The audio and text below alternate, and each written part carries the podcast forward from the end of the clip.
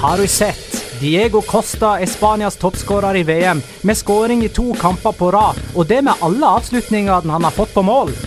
Det lønner seg med andre ord å være litt tjukk, litt tung, litt treig, fullstendig utfryst fra klubblaget og ikke spille en eneste offisiell kamp på seks måneder i løpet av det siste året, før VM blir sparka i gang.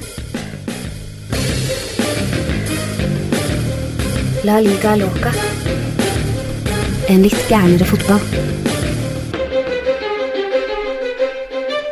Ja, ja, ja.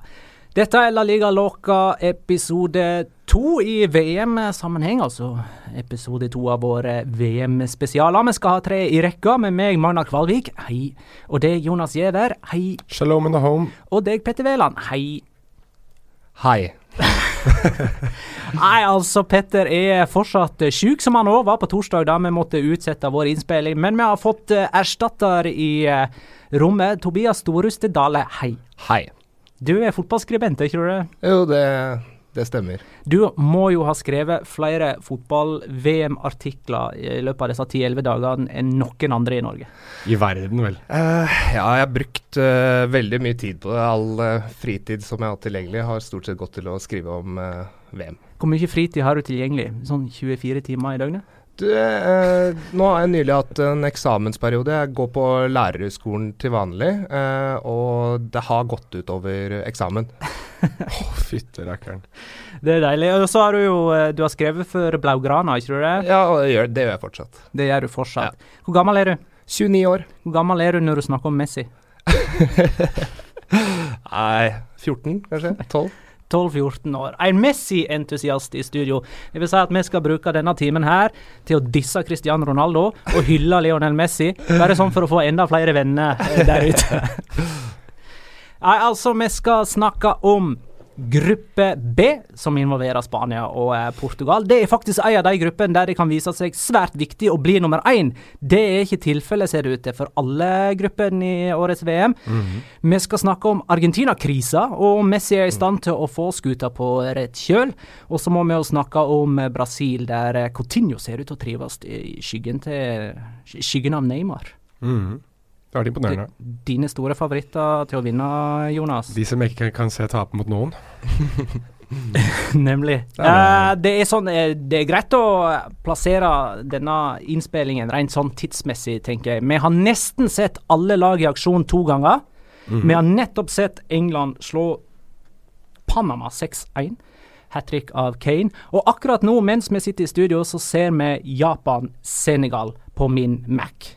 Mm. Ved hjelp av våre annonsører, da kan jeg name-droppe Riks-TV, for vi har nemlig logget oss inn på Rikspakken vår uh, og ser uh, kampen uh, via den. Ja, det går, og det går veldig smooth, og det er fantastisk bildekvalitet, så jeg er ganske imponert over at det er Jeg har ikke brukt den før, så det her er et, et nydelig bekjentskap for meg også. Det er sånn jeg logger inn på, på Riksbakken, så står det 'Heila liga lokka'. Gjør det det? Ja, ikke det trivelig? Og det som, Vi er jo en familie, jeg og du og Petter Jonas, og har mm -hmm. Rikspakke som La Liga Locca-familie. Og kan altså da se uh, på alle device hvor hen vi måtte være, hver for oss, eller samla.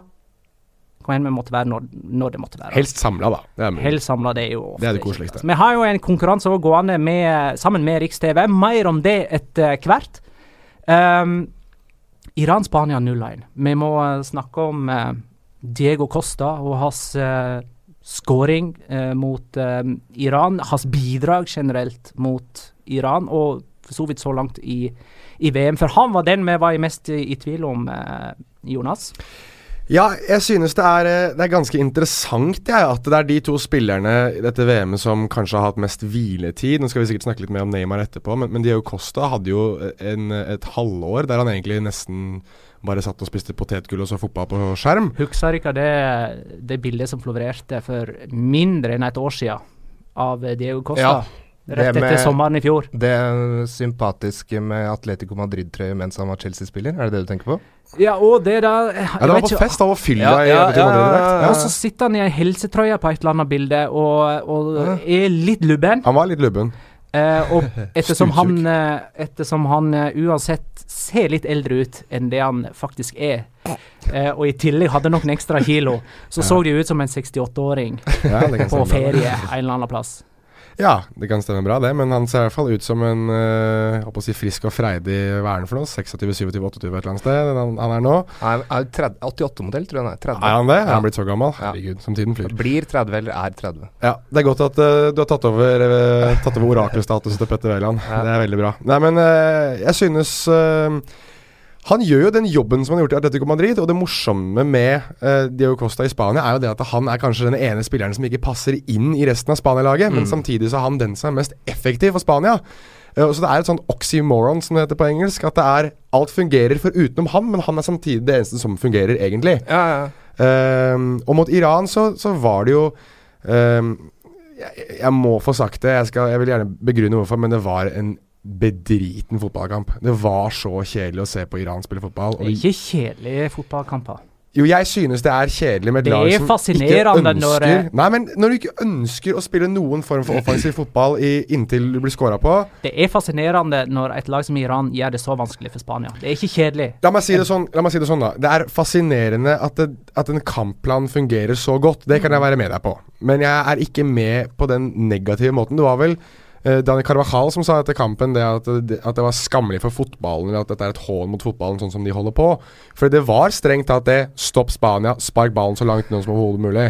Det er kjedelig i lengden. Er det skammelig? Tobias, er det skammelig? Eh, altså, jeg tenker at uh, estetisk sett så er jo ikke måten Iran spiller på pen, men uh, samtidig så går jeg med på å hylle f.eks. lag som Island og Iran for den måten de spiller på. Og jeg, har, jeg hadde ikke hatt aksept for at Brasil hadde spilt på den måten, Ja. men jeg syns det er greit at Iran de, Du spiller tre kamper i gruppespillet i VM, og at du da prøver å få med deg de poengene du kan få. Eh, jeg hvis jeg skal oppsummere hvordan Iran For det første, altså. Jeg syns Iran spilte ekstremt dårlig i første omgangen mot Marokko, eh, defensivt. Mm. Eh, og jeg syns den eh, måten Iran fremsto på mot eh, Spania, var ligna mer på det jeg hadde forventa av Iran i utgangspunktet. Og jeg syns at Nå scora Skåra Senegal, Nå øvrig. Senegal. Det er eh, Hvem er det som har scora? Han Nishikora, treneren, ser i hvert fall ikke ut som han forstår hva som har, har skjedd. Men det, jeg, tror, jeg lurer på ikke det var Sadio Mané, hvis jeg ikke så veldig kjapt over. Det er for han som er i kamerabildet her. Så det, Ja.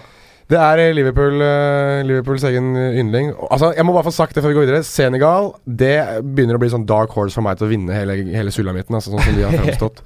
ja, er, Brasils nærmeste utfordrer. Ja, det blir Senegal-Brasil i finalen. Ja. Nei, uh, men, men, men for å gå tilbake til, til Ja. dette med Iran, da. Mm. Ok, la oss gjøre oss ferdig med Iran La, la, snart. la meg bare få sagt det veld, veldig kjapt at Iran ehm, Jeg er veldig for en kampplan. Jeg er veldig for gjennomføringen av en kampplan. Jeg er ikke for en kampplan som er så negativ som det Irans var. Jeg syns Iran så veldig gode ut når når de fikk et mål imot og faktisk begynte å spille angrepsfotball og kontra, og da var det jo morsomme å se på. Da var de gode, og de fortjente faktisk en utligning òg, følte jeg. Men det, altså, motargumentet til det med kampplan se på, se på Hellas i 2004. De som alltid var kjent som negativ fotball. De flyttet opp på alle dødballer, de tok alle kontringer og forsøkte. Så la de seg så dypt som de kunne, og så kjørte de hver gang de hadde muligheten. Det var ikke alltid, det var kanskje én eller to ganger i løpet av en kamp, men de én til to gangene så gikk det. Iran ville ikke prøve, og det irriterer meg. Men tror du jeg, hvis jeg bare for, altså, Ja. tror du at uh, det kan øh, ha noe med at øh, det var en psykologisk effekt også, som ga Iran troen på at når Spania skårte, så tenkte de vet du hva, vi har spilt bra til nå, vi kan faktisk få til noe. Ja, det tror jeg. Definitivt. Kosta.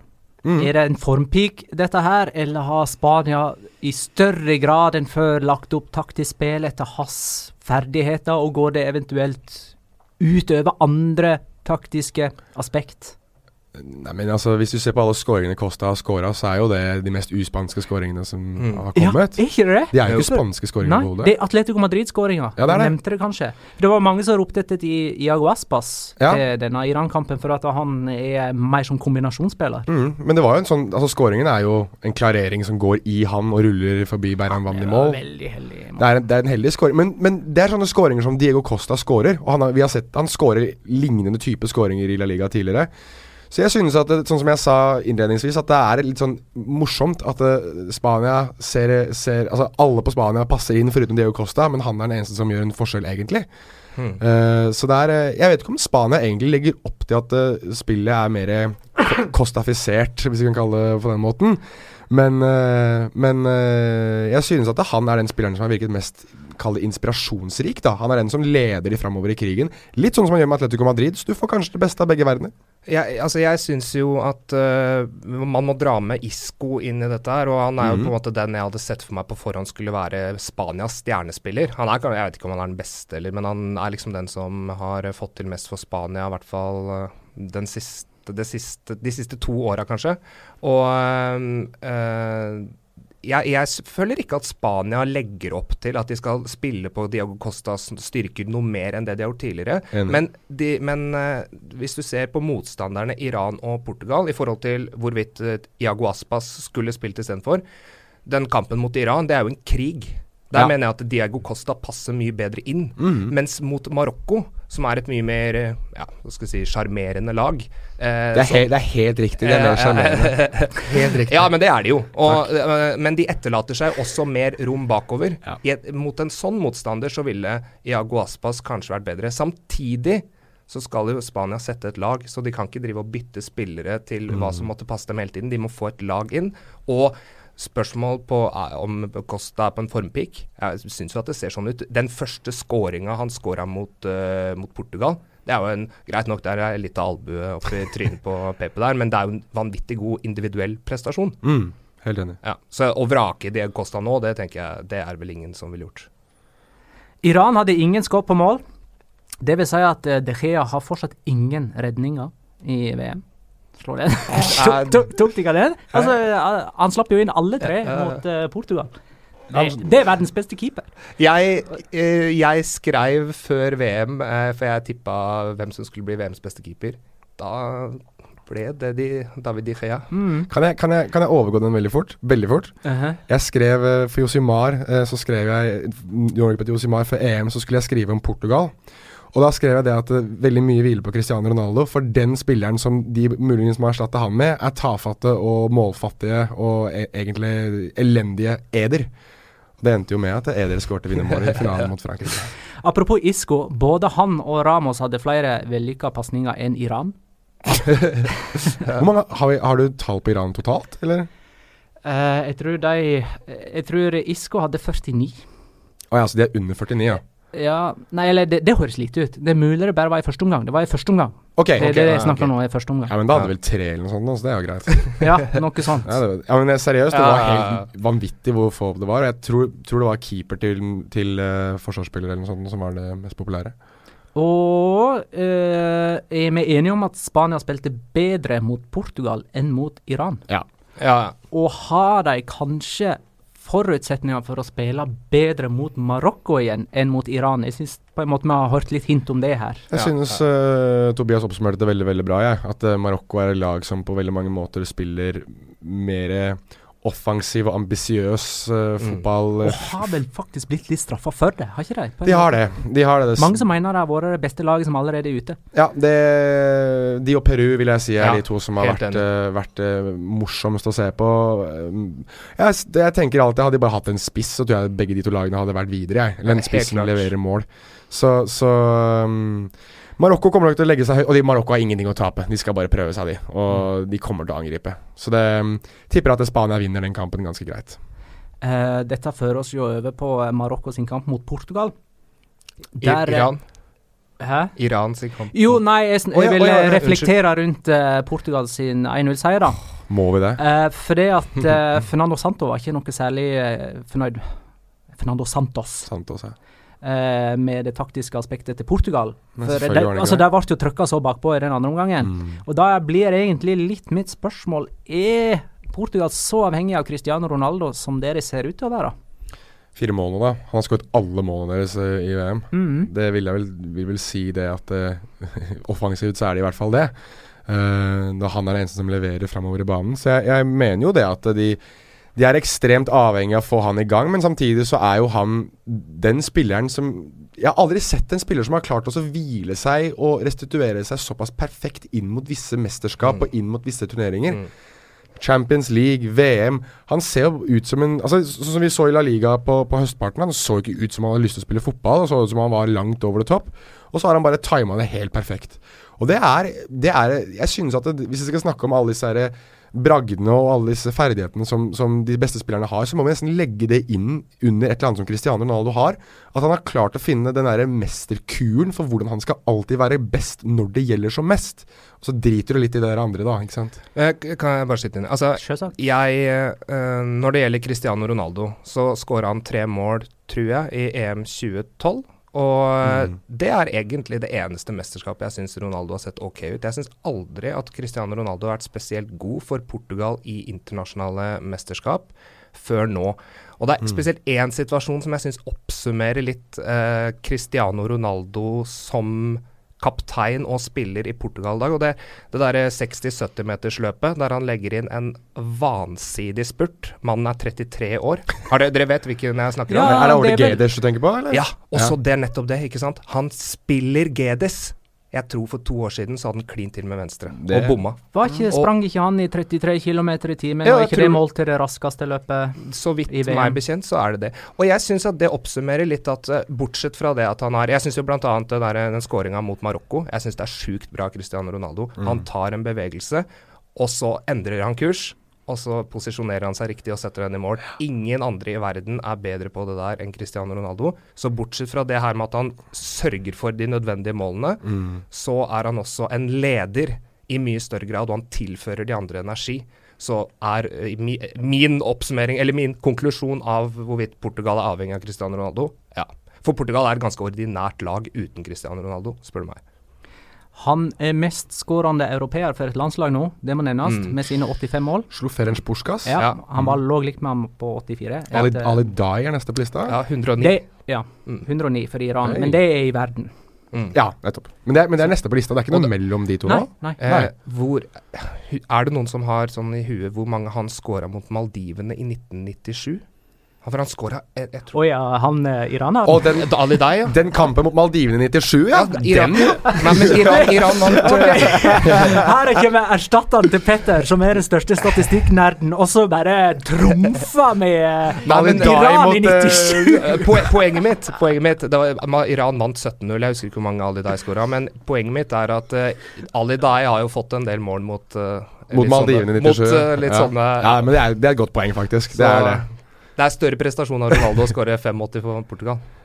Ja, nei, jeg, jeg, Det er jeg faktisk enig i. Det, er- det er et godt poeng egentlig òg. At eh, det, de, mange av de målene til Ali da er vel sikkert litt sånn som Litt sånn Maldivene og Kambodsja-skåringer. Det er vel eh, Men, men Jo, men det er jo mange som trekker fram uh, skåringene til Cristiano Ronaldo mot og svake sånn. motstandere òg. Ja. Men det er ingen som trekker fram hvem Ferenc Puskas skåra sine 85 mål mot. Det er liksom bare Cristiano Ronaldo for å på en måte uh, forminske prestasjonen hans. Da. det er jo det er Altså, populære. kan jeg bare Altså, Feriens Puskas sitt beste verdensmesterskap var jo i VM i Sveits i 1954. I den kampen, nei, det mesterskapet så spilte jo bl.a. Østerrike mot Sveits. Jeg tror det var Østerrike som vant 7-5, til nå den mestskårende enkeltkampen i et VM-sluttspill noensinne. Det stemmer, det. Eh, Ungarn vant 8-3 mot Vest-Tyskland i gruppespillet. Det er, Ungarn er det laget som har skåra flest mål i snitt i løpet av et verdensmesterskap noensinne. Poenget mitt er at det, dette var en tid hvor det ble skåra mye mål. De hadde gjerne fem angripere foran osv. Mm. 2-3-5. Ungarn var vel faktisk Ja, revolusjonerende på, på det taktiske på den de, tiden. de slo England på Wembley, Ja, blant annet. det er vel Simon Cooper, er ikke det det, som har skrevet mye om eh, Jonathan Wilson. Ja, det er en av de. Ja, det er alltid de to. Eh, og eh, om hvordan Ungarn ga England en leksjon i fotballtaktikk. Das Wunderteam var det for øvrig som vant inn i 54. Det, det der Vest-Tyskland-laget som ingen hadde troa på. Eller Tyskland heter det faktisk, da. Som vant VM i 54. Var ikke det Vest-Tyskland? Nei, jeg tror det Ja, Vest-Tyskland. Vest-Tyskland vant VM i 54. De vant 3-2 over Ungarn i finalen. Så Tyskland har aldri vunnet VM, det er bare Vest-Tyskland som har vunnet VM? Ja, det tror jeg. Ok. Ja, ja, Tyskland vant jo forrige gang, da. Jo, jo, altså, de har jo Ja. vunnet. Ja, ja, ok. 20 Foruten den, da. 20 2014 vant eh, Ja, foruten, Tyskland. foruten den, så har bare Vest-Tyskland vunnet. Da er jeg med. de vant ikke VM før de slo seg sammen Nei, igjen i den er god. 1989-90. Men hvis vi snakker om Marokko mot, uh, mot uh, Portugal, kan jeg bare Altså, jeg må få sagt det. Du, du vet at jeg må få sagt det. Altså, Nordin Amrabat i den kampen der Jeg vet at ikke du vil, Magnar, Nei, men, fort men dette her er altså the vindication. Jeg og Nordin Amrabat nå, det er lagt død etter den kampen der. Som han jobba, som han strevde. Han var jo overalt. Han var overalt. Og, det, det, det øyeblikket som virkelig stilte seg ut for meg For Han var jo, hadde jo hjernerystelse og skulle ikke spille den kampen, egentlig. Og Det er ekstremt dårlig av det marokkanske medisinske personell, men det får en annen historie. Men det øyeblikket når han bestemmer seg for at nå er jeg, det her gidder jeg ikke, og drar av seg den hjelmen og bare slenger den bort til benken og spurter videre nedover banen, det er eh, VMs øyeblikk for meg så langt. Så alt, eh, alt hatet, kan vi si, da, eller all, all, all misnøyen, det kom jo av det marokkanske landslaget og misnøyen min rundt hvordan han har levert der. Eh, etter den kampen der så kan jeg ikke lenger ta ham på noe som helst. Det eneste triste var at han ikke fikk en målgivende eller en scoring selv, for det hadde han fortjent etter den kampen. Fytti rakkeren som han jobba sokkene av seg. Så hats off, Nordin. Greit. Uh, vi må snakke litt om det med gevinsten, muligens, ved å vinne denne gruppa her. For nå Ja. som eh, Det har på en måte kommet opp nå i disse siste minuttene før vi gikk i studio, hvor gunstig det er å ikke vinne gruppa England-Belgia. eh, der eh, det nå kan fort stå på fair play, og det kan være gunstig å bli nummer to i den gruppa der. I gruppe B med Portugal og Spania så er det derimot gunstig å vinne gruppa med tanke på det videre, videre løpet. Skal, kan vi få snakka litt om det? Selvfølgelig. For husker dere EM 2016? Da Tyskland, Italia, Spania, Frankrike og England alle havna på den samme sida av tablået i utslagsrundene. Ja.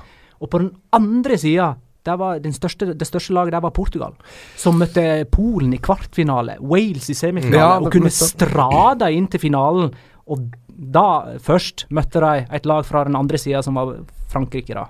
Og de hadde allerede slått Tyskland og Ja, for det at de storlaget der slo jo ut hverandre på den andre sida av tablået. Ja, Island, da, møtte de. Island og Tyskland. Ja, møtte- det er sant. Mm. For det at Island slo England. Stemmer. Ja, ja, ja, ja, Stemmer. Men eh, vi kan få en lignende situasjon nå. Skal jeg bare ta det? Ja, kjør på. Det er gøy. Eh, vinneren av gruppe B, Mm. Spania eller Portugal, havner på samme side som vinneren av gruppa til Argentina, som ikke ser ut til å vinne gruppa si. Det kan fort bli Kroatia. Det blir nok Kroatia. Mm. Og på samme side som vinneren av gruppa til Tyskland, som ikke ser ut til å vinne gruppa si. Det kan bli Mexico, det kan bli Sverige. Det kan fortsatt kanskje muligens teoretisk bli Tyskland òg, men det ser ille ut. Det blir Mexico. Og så er det jo òg vinneren av gruppa med, eh, som jeg følger her nå, Japan, Colombia, eh, Senegal. Senegal, Polen. Polen. Ikke sant? Ingen store kanoner der. Så hvis man da havner på den sida, så unngår man f.eks. Brasil hvis de vinner sin gruppe. Man unngår Argentina, Tyskland, Frankrike hvis de vinner sin gruppe, og får alle storkanonene på den andre sida. Det er ganske sykt at det, at det går an å holde på sånn. Det Ja. er vel, det er jo Og- snakk om at England eller Be og, og Belgia nesten har lyst til å tape den neste kampen sin nå. Ja, og det vil si hvis de spiller uavgjort, så går jo begge videre, ikke sant. Og så er det sånn her fair play som avgjør hvem av de som eh, er nummer én og to. Så er det om å gjøre for minst kort, da, mest sannsynlig. neste Nei, det er om å gjøre å få mest kort. For de som har flest kort, de havner på andreplass. Å, ja, sånn, og Tyskland har ett kort mindre enn Belgia per nå. Så de siste 20 minuttene som Sid Lowe påpeker på Twitter, kan jo bli en kortbonanza av de sjeldne, ikke sant? Om vi å gjøre å få flest gule kort. Det kan faktisk bli en La Liga-kamp. Det kan bli, skal Matheo la oss dømme den? Tenk det, ja! Det hadde vært så gøy, det. Åh, Å, oh, herregud. Jeg må nesten se om det Men det er jo sånn, det er jo sånn sant, at beg, både Belgia og England er videre. De, de er kvalifisert Ja, ja. eh, Ja for videre spill. Det er bare om å gjøre, kanskje, hvis de er kyniske nok, å ikke bli nummer én. Men ja. Nei, altså, men tror du at de spekulerer i det? Det kan jo være veldig risikabelt. Ett gult kan bli til to, så får du suspensjoner. Ja, ja. Altså Nei, jeg veit ikke. Jeg bare merker jo at det er stor uh, spekulasjon her. Og, eh, og fotball og, og spekulative framgangsmåter, det er vel ikke akkurat nytt. Det er ikke Nei. noe som uh, slår ned som lyn fra klar himmel, det. Nei, det, vi har jo hørt om avtalt spill tidligere, i tidligere mesterskap bl.a., så det er jo ikke noe De ville ikke, vil ikke forundre meg. For øvrig, Matheo Laos har satt opp til å dømme Island-Kroatia, så han skal ikke dømme den kampen. jeg, jeg måtte sjekke det, for det hadde vært altfor gøy hvis det var han. Vi skal se om jeg finner ut hvem som dømmer den kampen. Men fortsett du, Magnar. Hvis du har uh... Nei, men eh, det jeg lurer på, er hvem av eh, Spania og Portugal som på en måte ligger best an til å vinne denne gruppa. Altså, Spania møter Marokko i møter Marokko. som er utslagne. Mm. Portugal møter Iran, som de bare er ett poeng framfor. Og det er, jo, det er jo Carlos Queiroz da, mot uh, Portugal. Det hadde jo Mm. vært liksom litt sånn typisk at han gjør et eller annet som gjør at de må møte Altså jeg tror, jeg tror ikke Iran vinner, men jeg kan forestille meg at de ødelegger for, uh, for Portugal på en eller Men, annen måte. men det er jo ikke gitt at Portugal går videre. Nei, det er jo ikke det heller. Sånn som- Nei. altså, Ikke Altså- Spania heller, for den saks skyld. Nei, for, så vidt ikke. Men eh, jeg, tror, eh, jeg tror at eh, måten Marokko spiller på, passer Spania bedre. Det er punkt én. Marokko er allerede ute, så selv om de møter Spania, og det i seg selv er en motivasjon, så tror jeg ikke den sulten til at de skal ryste Spania, er spesielt realistisk. Eller altså den muligheten for det. Å, det skal du ikke si. Det er Ja. store politiske stridigheter mellom Marokko og, og Spania. Så det, det å slå spanjolene, det hadde vært en ekstremt viktig ting for marokkanerne. Men, men sånn rent øh, nivåmessig, tror du ikke at Spania er ganske store favoritter i den kampen? Å, definitivt. Ja. Definitivt. Men, men når det kommer til det å ville slå Spania, den er ja, ja, Der føler følger jeg deg. Ja. Den er ekstrem i Marokko. Og men det er litt indre strid i det laget der nå også. Benatia har allerede hinta om det eh, om at de har krangla seg imellom. Det er snakk om at Mustafa Haji, som da er eh, Mm. assistenttreneren, har eh, ment litt for mye om mangt. Og det er litt sånn symptomatisk at et lag som har røket ut allerede, begynner å, eh, Mm. begynner å lage krig. Ja. Hint, hint Argentina. ja, ja, fy søren. Vi skal straks snakke om Argentina, men eh, Jonas, har du tatt Riks-TV-quizen? Ja, det har jeg. Det, den quizen tok jeg, og det er en quiz som stresser noe vanvittig. For det er, eh, du har 60 sekunder på deg Ja. til å svare på så mange spørsmål som mulig. VM-relatert alt sammen? VM-relatert alt sammen. Og du får vel noe sånt som Er det Hvor mye var det det var for ett poeng per quiz? Eller per riktig? Og så får du minus ett for hver feil. feil. Uh, å, jeg husker ikke resultatet. Fikk jeg, fikk jeg ikke tolv til slutt, da? Jeg tror du fikk 11.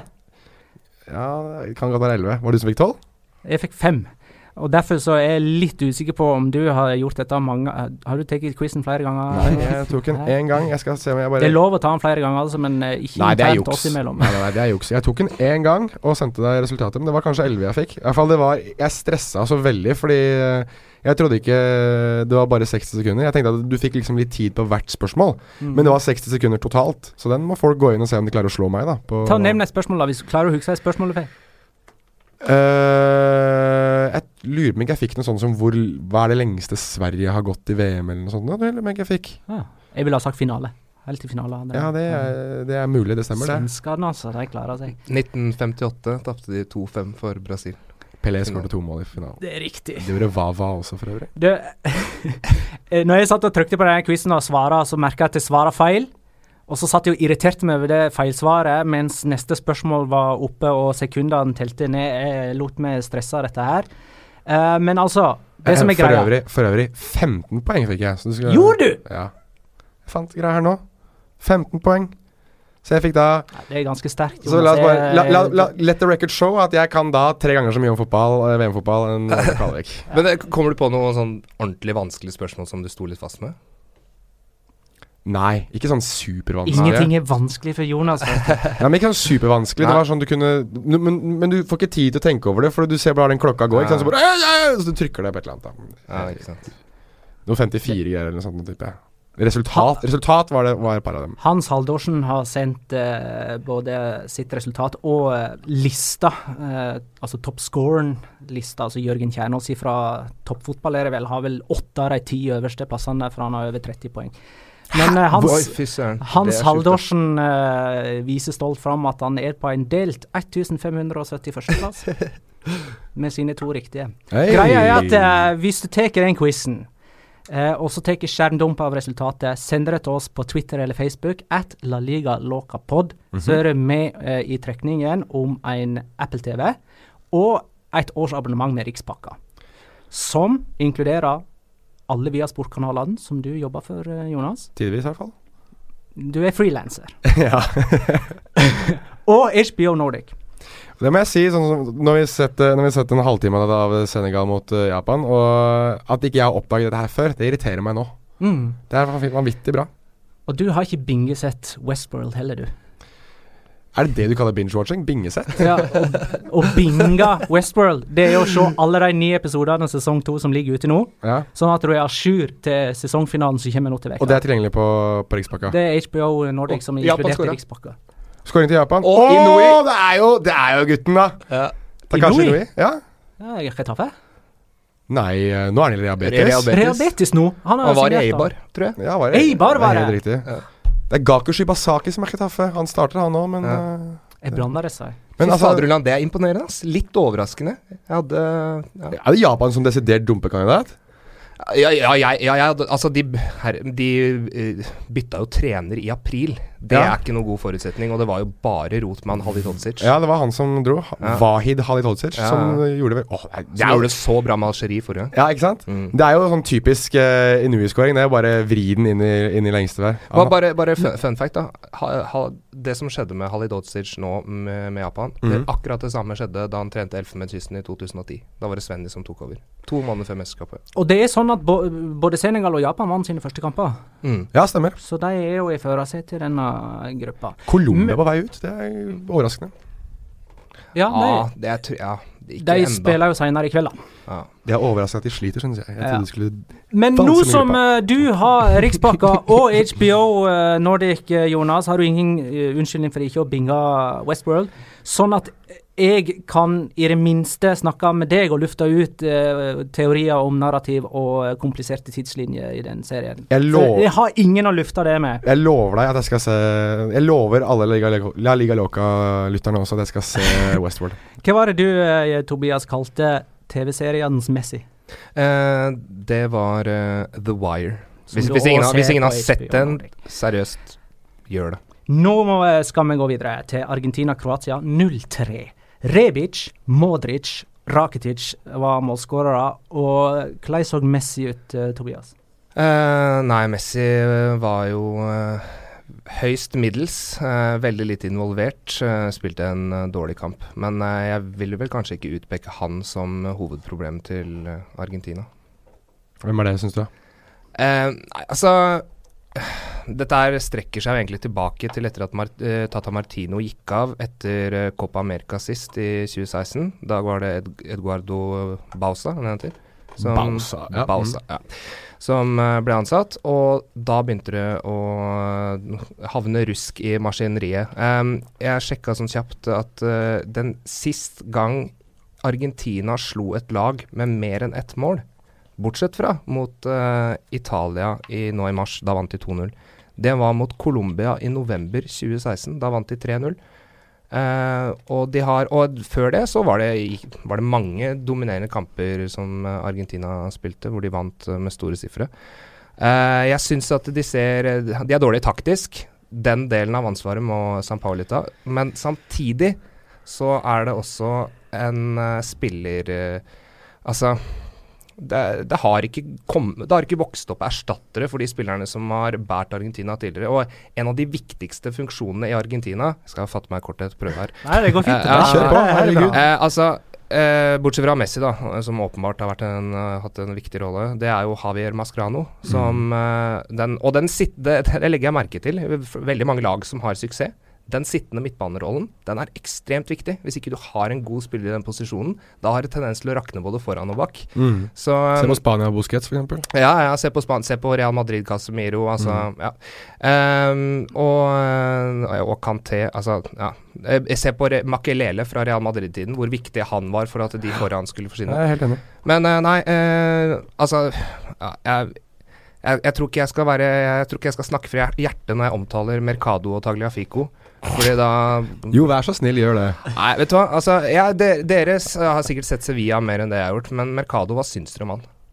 I Sevilla så var han jo ikke så dum. Han var ikke så dum i stoppepar med enten Longley eller Kjær eller uh... Jeg skal bare innrømme at han har ikke gjort noe inntrykk. Nei, vet du hva, men jeg, jeg syns han har spilt tvers over pass. Han gjør sånne helt kokos ting noen ganger. Og så eh, posisjoneringsmessig syns jeg han ligger feil for Argentina. Det samme Tagliafico er jo enda verre. Han, eh, han han ser, han, han holder, En ting er at han ikke holder argentinsk standard, men han holder jo ikke profesjonell standard heller, i forhold til hvordan han ligger. Ja, men, og, og det, jeg vet ikke om det er Jeg vet ikke om San Pauli har mislyktes med sine instruksjoner, Ja. eller om det er Tagliafico som er Ikke er god nok. men, men du ser på Tagliafico, han får ikke til noe teknisk. Defensivt, det meste han får til der, er jo å lage frispark uh, imot.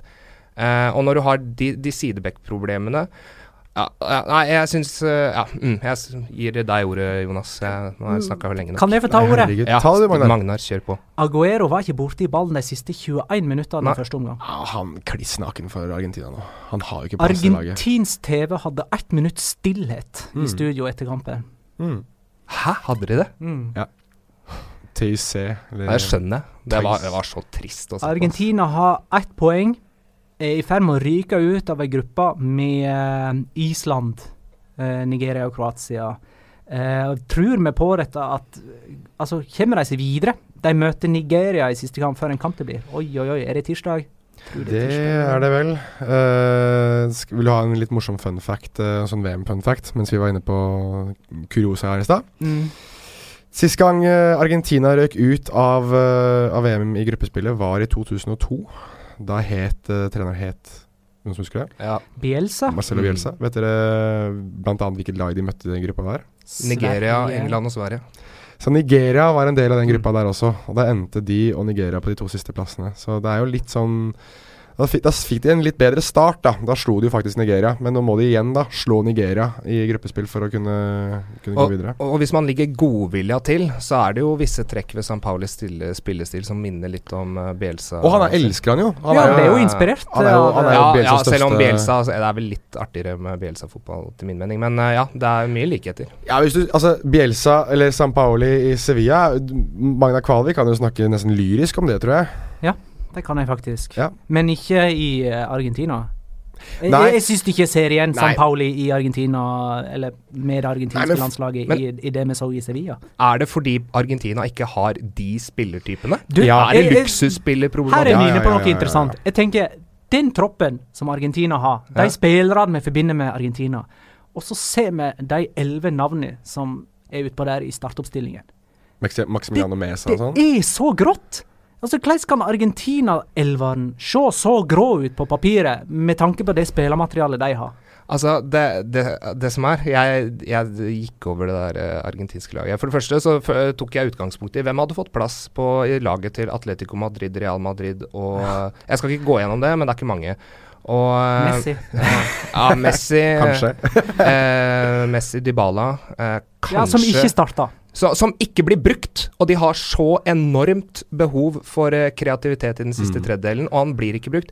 Uh, men uh, Søren, hva var det du sa, Magnar? Ja, ramla jeg litt av her. Ja, hvor grå og trist den startelveren til Argentina er med tanke på det spillermaterialet Ja, jo, jo, det var det, det jeg skulle si. Det er at det, når man snakker om fotball, når man prøver å analysere hva er grunnen er og sånne ting, så snakker man mye om spillestil og taktikk og psykologiske faktorer og sånne ting. Alt det der har jo uh, mye å si, det er Ja, klart. ja. Men hovedgrunnen Jeg er litt sånn enkel, eh, simple-minded når det kommer til det her. Hovedgrunnen til at et lag vinner fotballkamper, det er gode fotballspillere. Det er det Argentina mangler, sånn jeg ser det. Jeg ser poenget. I starthelveren, i alle Ser fall. poenget. Jeg, Men kan jeg bare få si en ting om San Paolo? For jeg, det er, jeg har jo fulgt San Paolo siden han trente i Chile på klubblagsnivå.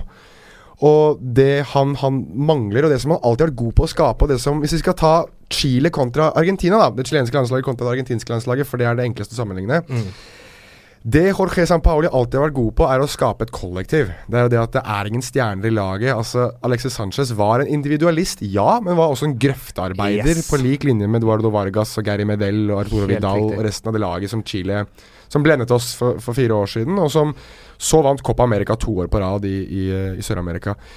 I Argentina så er er det Messi pluss ti. Mm. Det Sånn er det, for Messi ja, ja. er verdens beste. Men Messi, Messi er Dessverre å si det, men han er en luksusspiller. Ja, ja, ja. Han kommer ikke til å gjøre så veldig mye eh, jobb i det, i det pressleddet som er lengst fremme i banen, som Jorge Sampaoli snakker så mye om at du skal presse fra fronten. det syns jeg er merkelig. For det har han gjort for Barcelona. Altså, Barcelonas stil er jo òg sånn at man skal presse det forsvarsleddet til motstanderne når de skal prøve å spille seg ut. Men ikke på samme måte som eh, Alexis Sanchez for eksempel, har Nei. gjort i Chile. Altså, det, er, det er en annen form for pressing her. Det er, altså, de flytter laget så mye høyere. Altså, Chile sto med forsvarslinja si langt inne på banehalvdelen til Ja. motstanderen. Og, og det er det jeg det, det, det der jeg mener jeg ikke ser igjen San Pauli fra Sevilla og nå i Argentina. Det For de jeg i hvert gjør ikke det der. Nei, for han, han greia er vel det at han Nummer én så er det litt, litt det som Tobias var inne på. Mascherano kan ikke flytte på seg noe særlig mer heller. Så du, kan, du har ikke den, den spilleren i det leddet mellom forsvar og midtbane som kan uh, justere høyden eh, på linja. For han kommer, ikke, han kommer ikke til å kunne forflytte seg raskt nok dypt, og ikke raskt nok høyt heller. Så der mangler det jo Gago, da, som hadde gått inn i den rollen. Han er jo skadet. Bilja klarer ikke det. Erbanega er jo mer offensiv. Hva har du igjen da? Jo, da har du Enzo Perez som kom inn for Manuel Lanzini, som skulle være den som på veld, veldig mange måter skulle gjøre det. Og jeg mener at når, når han som var siste reis, nesten, eller han som kom inn aller sist for å erstatte en annen som var skada, er han som kommer inn og skal på mange, mange måter redde det argentinske laget, allerede der har de gjort en feil. Og jeg mener Taljafico, Mesa, eh, Christian Pavon Dette er spillere som man kjenner, veldig mange kjenner fra argentinsk fotball, som potensielt kan bli gode eh, i, uh, i Europa med tiden. Uh, Tagliafico skal jo nå til Ajax, blant annet. Men de er, de er spillere som har mye å bevise, og jeg tror det er derfor Sampaoli tok de med. For at de kanskje har mer å bevise enn Messi, enn Aguero, enn Iguain. Spillere som har en større sult, da, for å si det på den måten. Problemet var det at de har sulten, og det har vi sett. De har bare ikke nivået. Nei, nei. Og det, sånn står det. Og, og det, ja, det går liksom på sånn herre Det går på samhandling, og det går på relasjoner og den type ting. Men jeg syns Jonas jeg synes du har et veldig godt poeng med Alexis Sanchez, og jeg tenkte det samme. At uh, det som er at Lionel Messi er på en måte ikke riktig for San Pauli. Det gjør at San Pauli ikke er riktig for Argentina. Ergo må også fotballforbundene eh, ta sin del av skylden for ansettelsen av San Pauli. Og dette her, det man så, man så det tidlig. Man, det, Argentina har ikke hatt bedre Jeg tror han ble ansatt i juli i fjor eller noe sånt. De har ikke vist tegn til bedring på ett eneste. De slo Italia 2-0. Det var da jeg liksom tenkte kanskje, men ja. Men eh, eh, nå stiller jeg to spørsmål i ett her, bare sånn for å sørge for at jeg ikke glemmer disse to spørsmålene. For jeg er i ferd med å glemme dem. Én. er er Messi sin eh, hva heter, eh, resignasjon fra argentinske landslaget eh, rett rundt hjørnet? Altså kommer han til å trekke seg som Argentina-spiller igjen? snart? Og to, er San Pauli trener når Argentina møter Nigeria? Ta Messi-spørsmålet først. Kommer han til å legge opp som landslagsspiller igjen etter, rett etter VM? Han fikk så mye pep for det han gjorde sist, så han, hvis han skal legge opp nå, så må han legge opp og bare si at nå er det nok. Han kan ikke komme tilbake igjen med halen mellom beina en gang til. Det kan han ikke. Så da, da, må, han, da må han gå grundig i tenkeboksen, håper jeg, og bestemme seg for om han vil eller ikke. Han hadde et langt intervju på argentinsk TV før mesterskapet der han snakket mye om disse følelsene. Han gjør alltid det før mesterskap, hvor han lar seg intervjue, og hvor han snakker hvor, hvor mye Argentina betyr for han, og at det er hjemmet hans, til tross for at han alltid har bodd i Spania. Og, altså Han blir jo, han blir jo veldig mange argentinere, og dette har dere sikkert hørt både på TV og radio, det som er at det, veldig mange argentinere mener at han er mer spansk enn argentin, skal Mm. prestere bedre i Barcelona enn for Argentina, osv. Og, så videre, og det er sant. Alt det er sant. Og Messi har alltid et behov for å stadfeste at nei, men jeg er argentiner før hvert mesterskap. Så for å gjøre egentlig ganske kort svar litt for langt, så sier jeg det at eh, jeg tror han legger opp hvis de ryker ut nå. Hvis de går lengre, så tror jeg kanskje at han eh, blir med i hvert fall i et Copa America til. Uh, men jeg Ok, så det er avhengig av det avhengig, faktisk videre skjebne i VM det avhenger VM, av hvor ille det her går. OK. San Pauli. Det, men det må du ta, da. ja, nei, ja, San Pauli? Ja. Er han trener mot Nigeria? er Ja, ja. Det er han. Kort svar, ja. Jeg tror det. Jeg tror ikke de sparker han ennå. Men det jeg syns Argentina Det, det har jo likhetstrekk til eh, 2002-utgaven under Bielsa, men jeg syns det ligner veldig på det Frankrike-laget fra 2010. Hvor Mm. At det det var er et kupp nesten mot uh, treneren her. Uh, Ja, Eller altså da er jeg på Frankrike 22, eller 2002 er jeg mer egentlig. Nei, du er på 2000. Nei, nei, nei, det- det var er 2010. Da hadde ja. de både i 20, eh, 2002 og 2010, da. Det var vel Raymond Domenech i 2010 som Ja. Var det ikke han som trente Jo da, helt riktig det. Ja. 2002 så tror jeg bare de de bare underpresterte. Ja, ja. De var bare dårlige. Hadde de kupp da òg? Nei, det var i 2010, da Patrice Evra ble bannlyst fra Ah, landslag. Og. Mobbingen av Jan Gourcuff og litt sånne ulike ting. Ja, det var okay. mye verre med Frankrike, det skal sies. Men eh, jeg, tror, altså, jeg tror eh, Argentina ryker ut. Og jeg tror, eh, og jeg tror også kanskje at Lionel Messi sier takk for seg. Han, neste muligheten han har til å vinne VM, da er han 35 i jule-VM i Qatar. Og jeg tror ikke han Jule-VM. Jo, men det er jo Ja, det er helt sant. Ja, er- november, da. Men uh, det, blir ikke, det blir ikke noe fest på kontraskjæret, for å si det sånn. Å jo, tro meg, du finner på et eller annet. Det blir slagsmål på kontraskjæret, ikke det? Ja, det har det blitt allerede, så det er greit. Det Ikke, Sverige, ikke på meg, men uh, jeg var vitne og um, kameramann, for en gangs skyld.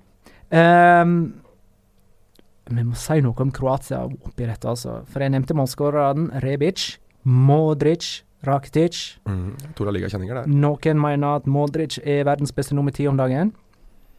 Han var iallfall bedre enn Messi som nummer ti eh, i den eh, aktuelle kampen. Eh, er Kroatia i ferd med å spille ut sitt fulle potensial? Altså, er de i ferd med å la bråk utenfor banen forbli nettopp utenfor banen? Altså, Kroatia har et fantastisk mannskap og ser jo ut, akkurat nå iallfall, til å få det ut.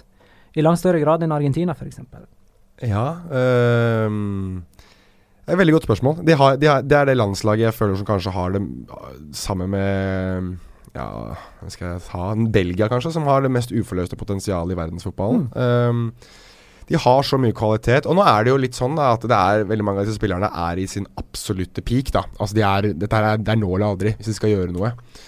Eh, og jeg mener å huske at det var kanskje litt sånn i 98 også, at det var en del gamle herremenn som var med for siste Mm, gang. Uh, Sjoker, Boksic, uh, Jarni, Boban osv.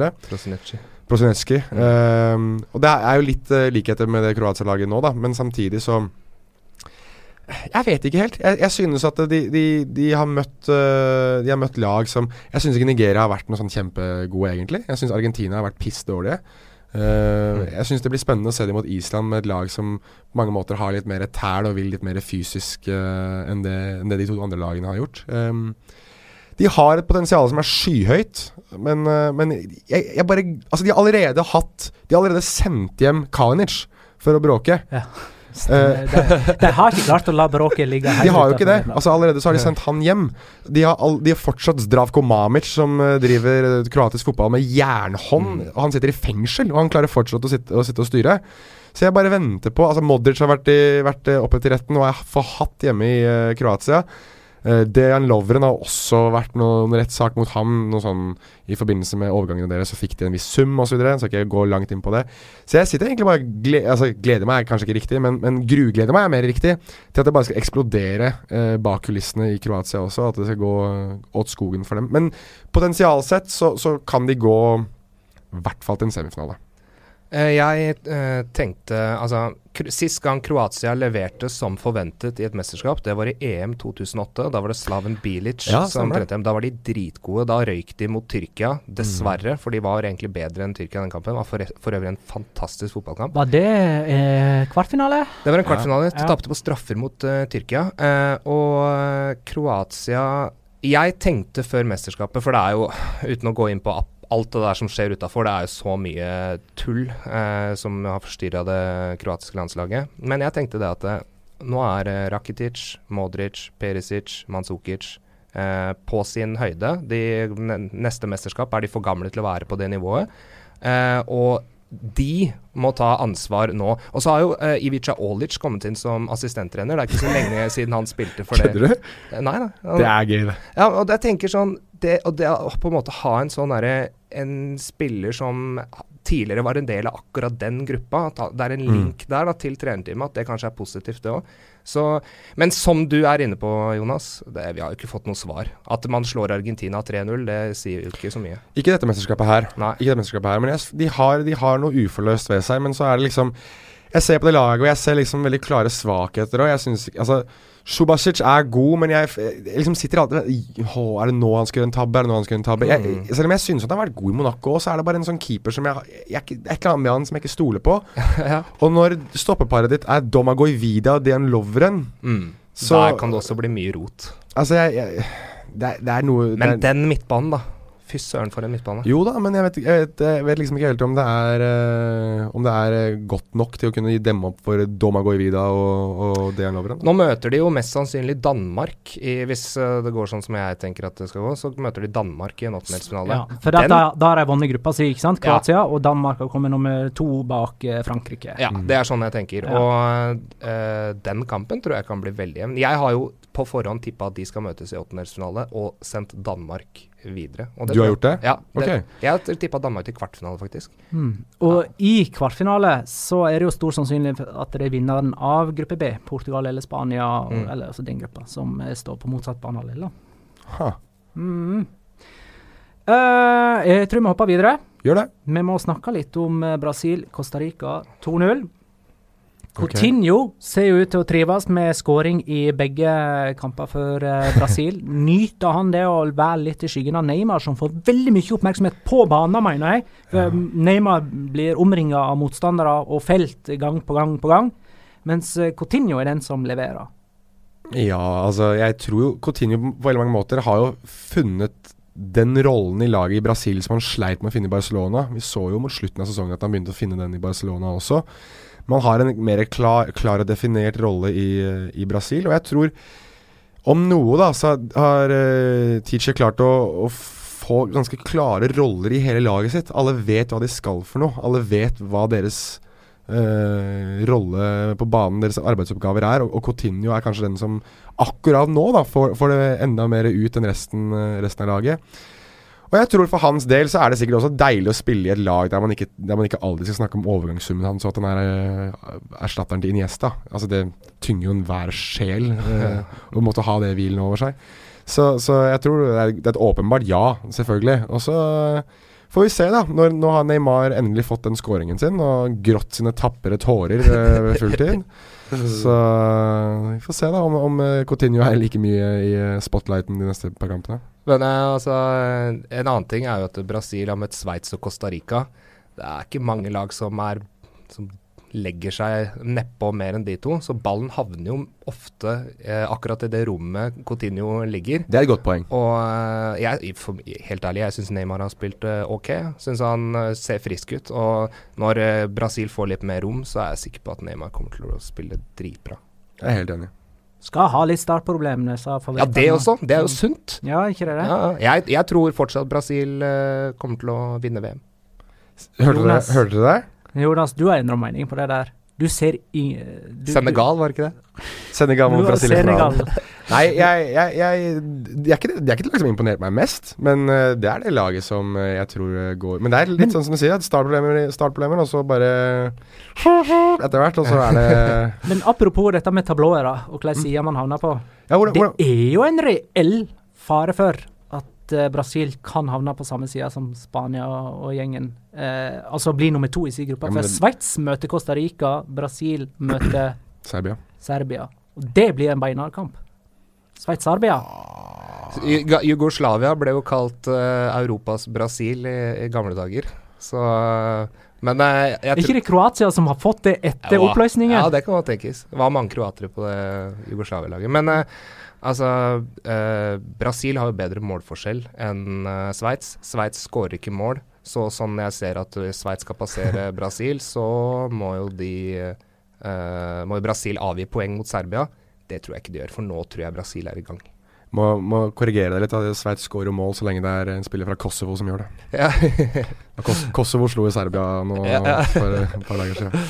det er et godt poeng. Men uh, får de straff, eller? Sjaka og Chakchiri, er det sånn man skal uttale det? Zochiri. Shardan Som Zochiri. uh, feirer med den nabalske ørnen i eh, Ja, jeg snakket eh, med Snakket med en ekspert, eh, i hvert fall i, i forbindelse med hva de kan dømmes for. Altså, de kan jo dømmes eh, hvis Eller eh, de får sanksjoner mot seg hvis det er en provokasjon av politisk fatning, er vel noe sånt, sånn som det heter i Fifas reglement. Og Da jeg snakket med ekspert i dag på Balkan-konflikt, så var vel svaret var et rungende ja, det her er en provokasjon. Og sa vel det at dette her tilsvarer noe langt mer enn å vise fingeren til supporterne. Så um, blir, og da er vel Fifas regler sånn at de, de blir, utestengt i to kamper. Og det er noe sånt som 5000-6000 eh, sveitsiske frank som de blir eh, idømt i så fall. Hvis de blir funnet skyldige, da. Nå kommer det jo litt an på om Fifa gjør det, men Fifa har jo det med å statuere et eksempel eh, i, i løpet av mesterskap. Hvis vi husker Luis Suárez for fire år siden, annet. Han ble jo bannlyst fra å i det hele tatt være på baner og spille fotball. Han fikk ikke lov til å være på noe som helst form for, for stadionanlegg i verden. Jeg tror han fikk lov til å spille TV-spill. Ja, det, men, men jeg tror ikke det fikk Det måtte være PES, ikke Fifa. OK, siden vi er inne på uh, Suárez, da. Uh, Uruguay slo Saudi-Arabia 1-0. Suárez skåra sitt første i dette VM. Hvem kjedeligste kamp? Hm? Hvem kjedeligste kamp så langt? Eh, VMs kjedeligste kamp. Ja.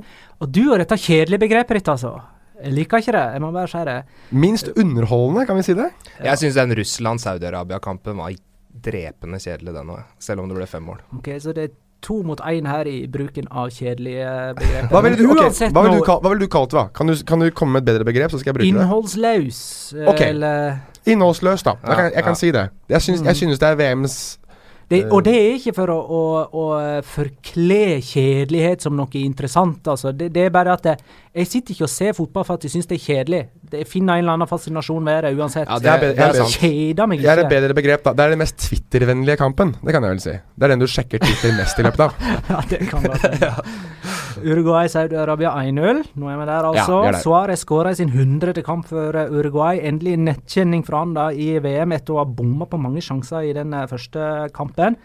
Uh, han er første uruguayaner som skårer tre VM på rad. Mm, kult. Mm. Eh, så dere den episoden der han Saudi-Arabieren takla han? Og så reiste seg opp for å krangle med Suárez, og så bare snudde Suárez seg og sprang videre. Ja. Altså, han unngikk en konflikt. Hva er det som har skjedd? uh, uansett. Oyer Fano Dabedat. Dabedat. Da Var, var det riktig? Dabedat. Da debatt. Er ikke det? Da har jeg skrevet feil. Jeg tror det. Ja.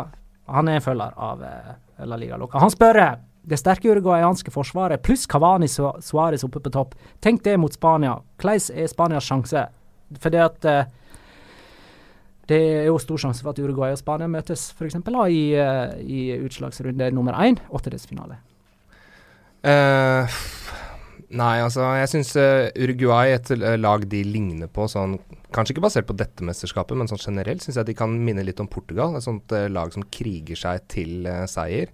Eh, Portugal var jo nære ved å slå eh, Spania.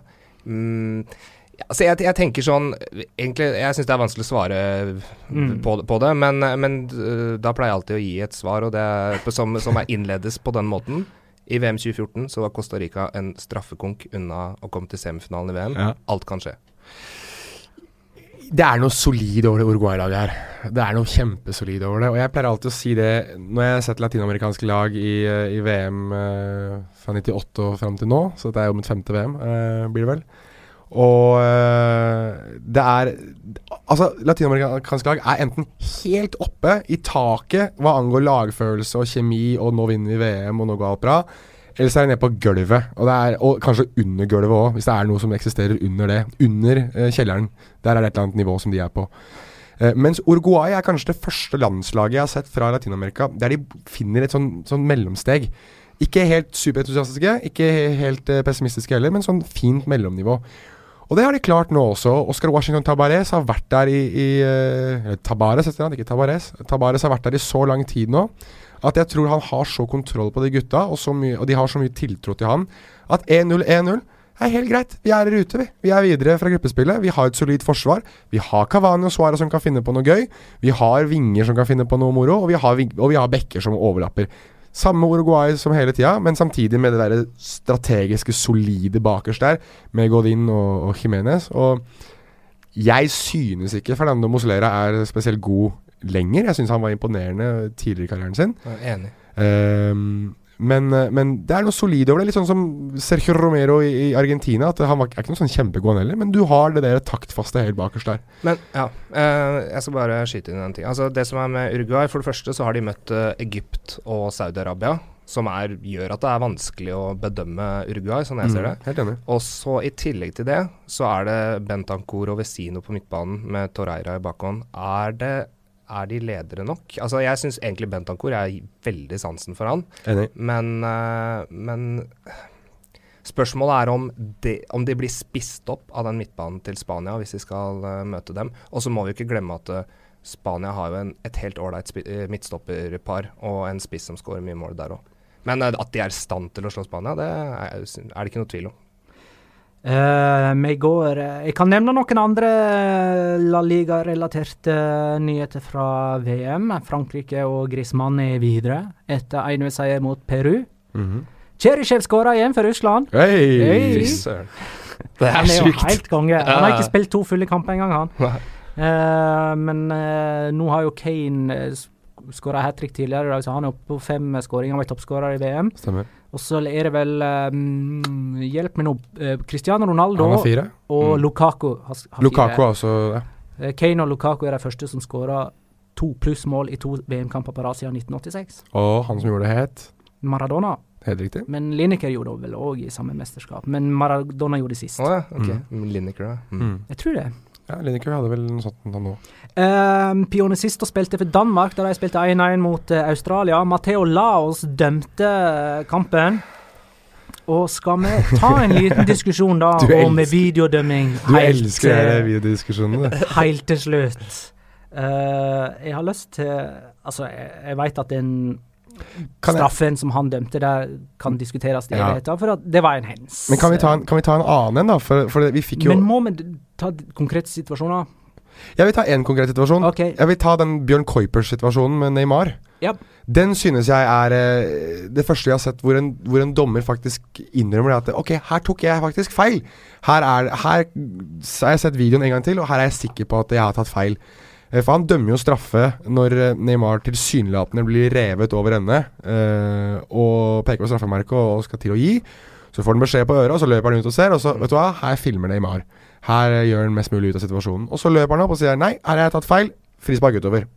Og det er eh, sånn, Sånt gir meg da grunn til å ha litt mer troa på VAR. da Jeg tror faktisk på VAR uansett, men Ja. jeg skjønner at dette her er noe som har kommet for å bli, og noe som dommere forhåpentligvis tar mer til seg. For han bruker det på rett måte, og det gjorde ikke Laos. Nei, kanskje ikke. Uh, det lurer på litt med denne videodømmingen Uh, Det er mange som tar eh, til orde for at det fører til flere straffespark. Eh, er det en eh, konsekvens av videodømming? At det blir flere, selv om Neymar ikke fikk straffespark? Ei heller Kane to ganger mot Tunisia. Ja. Jeg, altså, jeg tenker bare sånn veldig sånn enkelt at jeg tror det oftere oppstår Det er veldig spekulativt å si, men jeg tror kanskje at det ofte oppstår situasjoner hvor det er straffespark, enn hvor filme, spillere filmer seg til straffespark. Men uh, i det jeg sier det, så veit jeg helt. Jeg vet ikke, jeg har, jeg har følelsen av det. jeg har følelsen av det. Man ser jo det, det er, blir jo mye straffespark. Så jeg har kanskje følelsen av det. Men, men det som er med VAR som jeg, som jeg har håp om, da, det er jo at eh, fotballen skal forandre seg litt i tråd med VAR. At eh, det blir færre som kaster seg i straffespark eh, i, i 16-meteren eh, Hmm. når man vet at man blir sett på video i etterkant. Ja, for en av de tingene som folk snakker om, er at det blir flere straffer. Men jeg, jeg klarer liksom ikke å se helt at det er en direkte konsekvens av VAR, eller av videodømming, da. Siden det, man trekker straffespark tilbake òg, liksom. ja, det skjer jo ikke så ofte. Nei, for det har jo bare skjedd eh, ved det tilfellet du nevner, har det ikke det? Jeg Og Sverige det. Sverige skulle vel ha hatt straffe mot Tyskland, med Marcos Berg, som det ikke ble noe av. Altså, jeg mener, egentlig så skulle det vært flere straffespark enn det har blitt i dette mesterskapet. Men det er jo det som er litt interessant òg, at du har jo de Altså, jeg, jeg er veldig sikker på at VAR-dommerne må jo ha hylt og skreket inn i øret på dommerne om at se, se, se, se. Men så har de sikkert noen har sikkert bestemt seg for at det, det gidder jeg ikke. Eller jeg er ganske sikker på at det her er riktig. Gidder er helt feil å si, men at de ikke vil se det fordi de er så sikre. Marsjinjak, f.eks. Eh, på Pavon eh, imot eh, Island er én. Han bestemte seg for å ikke se. Eh, selv om det er, en, det er et argument for straffe der. Uh, Jeg, jeg skjønte ikke Jeg hørte på forrige episode, og Petter argumenterte jo ganske greit for, uh, for det. Men mens jeg så kampen, så tenkte jeg litt sånn Jeg skjønte ikke helt hva er det Når er det de skal gå inn? For det så jo ut som et straffespark. Men det var litt sånn at uh, Pavon kanskje overspiller litt i situasjonen. At det er kontakt, men han overspiller. Ja, det er vel det som vi, vi resonnerte oss fram til Ja. da. At det er kanskje derfor Maskinjak ikke gir straffespark, eller, eller hører på VAR. eh, Det er jo en logisk Analysen. forklaring. det er en logisk forklaring, men igjen da, Markus Berg. Det er vel Felix Brüch som dømte den kampen i går, vel? Hvis jeg ikke husker Nei, det var det ikke. Det kan det- ikke det vært, han er jo tysker, så det kan ikke ha vært han. uh, Det hadde vært rått. Da hadde det vært i hvert fall var Marciniak i går òg, jeg. Det var en polakk. Ja, det er vel Altså, Marciniak, da. Sverige-Tyskland. Så Marsjinjak ganger to, da, som har eh, bestemt seg for å ikke høre på, på VAR. Kanskje det er han som er Matheo Laos, som har bestemt, bestemt seg for at VAR ikke gjelder. Nei, ja, Uansett, da, så, så føler jeg uh, uh, Det blir, blir jo gitt mer straffespark også fordi at spillerne ikke er vant med det at de blir sett hele tiden nå. Det er jo litt sånn, det er jo det som er litt interessant, at uh, spillerne er jo ikke helt vant med det ennå. Det, det ser du også på disse spillerne som overspiller. For mange av de hadde jo bare blitt tatt vanlig. Altså De hadde jo falt over, og så hadde de fått straffespark kanskje etter at dommeren ser på VAR. Men det er jo mange som føler den der behovet for å kaste seg helt ekstra. Se på Neymar, da, som kaster seg litt bakover for han skal ha et straffespark. Og under de gamle reglene så hadde han jo sikkert fått det. Men under VAR-reglene, eller med VAR, så klarer han jo ikke å, å, å, å, å si, overspille slash filme seg til det. Jeg begynner egentlig faktisk å bli litt lei av eh, Ikke av videodømming, men om omtalen av videodømming. Jeg føler fortsatt vi ikke har begrepsapparatet på plass, jeg. Det, Det er et uferdig system. Ja, men det- det er men litt det, sånn- og det virker også som sportsmedia har litt problemer med å venne seg til det. Jeg så på Kveldsnytt på NRK etter Spania-Iran. Da sa de før de viste sammendraget, som introduksjon til sammendraget av den kampen, at Iran trodde de hadde utligna mot Spania, men VAR ville det annerledes. Det er jo helt feil. Hvilken situasjon i den kampen var VAR greip inn og gjorde ting annerledes enn det som var dømt i utgangspunktet? Den skåringen Iran fikk Linjedommer sto jo oppe med flagget. Det er sant. Det var ingenting videodommerne gjorde der som endra på ting i den kampen som allerede var gjort av hoveddommer og assistentdommere. Og så hadde TV 2-sporten på Twitter en VAR gir straffespark til Australia. Det var Matheo Laos som ga straffespark til Australia mot eh, Danmark. Det var ikke videodommeren som gjorde det. Videodommeren kan ikke dømme kampen. Så tenker jeg begrepene er feil. Ja, liksom. ja, altså vi må ha begrepsapparatet riktig, spør du meg. Altså skal vi få Altså, dette er et system som er, er nytt og ferskt, og vi har mulighet til å få begrepsapparatet riktig med en gang. Og det virker ikke det som jeg klarer helt, da. Og dette gjelder ikke bare norske medier, altså. Jeg merker det i utenlandske medier òg. En, en, en annen ting som jeg legger merke til, er at uh, som, som det alltid blir, da, det er at man uh, uh, Hvis man går inn på Twitter f.eks., så er det veldig mye sterke meninger om VAR. Men jeg tenker jo at VAR er det er i en etableringsfase. Eh, Mm. det, kommer til, det kommer kanskje til å forandre hvordan spillerne Altså hvor mye folk kaster seg og sånne ting, forhåpentligvis. Mm. Og så, eh, kommer det til å bli bedre med tiden, og dommerne kommer også til å benytte seg bedre av det. Jeg syns VAR er kjempepositivt. Det er bra. Og, og tror det kommer til å bli veldig bra. Vi er jo ganske positive til det her. Både du, jeg og Petter har jo snakket i varme ordelag. det. Gleder oss til at det kommer, de kommer til La Liga nå til neste sesong, så det blir jo Ja. kjempespennende. Det ideelle hadde jo vært, når vi først skal ha en vikar i studio, at det var en som var imot videodømming, eh, men vi fant ingen. Kan ikke du være, kan ikke du være litt uenig? Du vet, eh, du vet, du vet eh, hvem, eh, hvem som er VAR sin favorittspiller, ikke sant? Hvem er det? Jeg er klar med Askeladden-latteren. Jeg er klar. Neyvar. Jeg syns ikke det var morsom eh, eh, ja, Ah, Tobias ler. Eh, Det var for at jeg eh, tok Askeladden-latter. Ikke, ikke gi han noe nå. Det var all me. Nei var. OK, jeg tror vi runder av der, jeg. Ja. Vært, uh, eh, vi er tilbake med en, uh, vår siste VM-spesial etter at alle gruppekampene er spilt. Det er Mhm. torsdag kveld at vi setter oss da i uh, studio. Eh, og ellers lurer Elias Knutsen på hva skjedde egentlig med kjenningsmelodien vår på slutten av episode 1? Var det noen som var borti transponeringsknappen, eller hva skjedde? Det får vi jo se om vi har klart å rette opp i etter dagens eh, episode. Takk for at du lytta, kjære lytter. Ha det, da.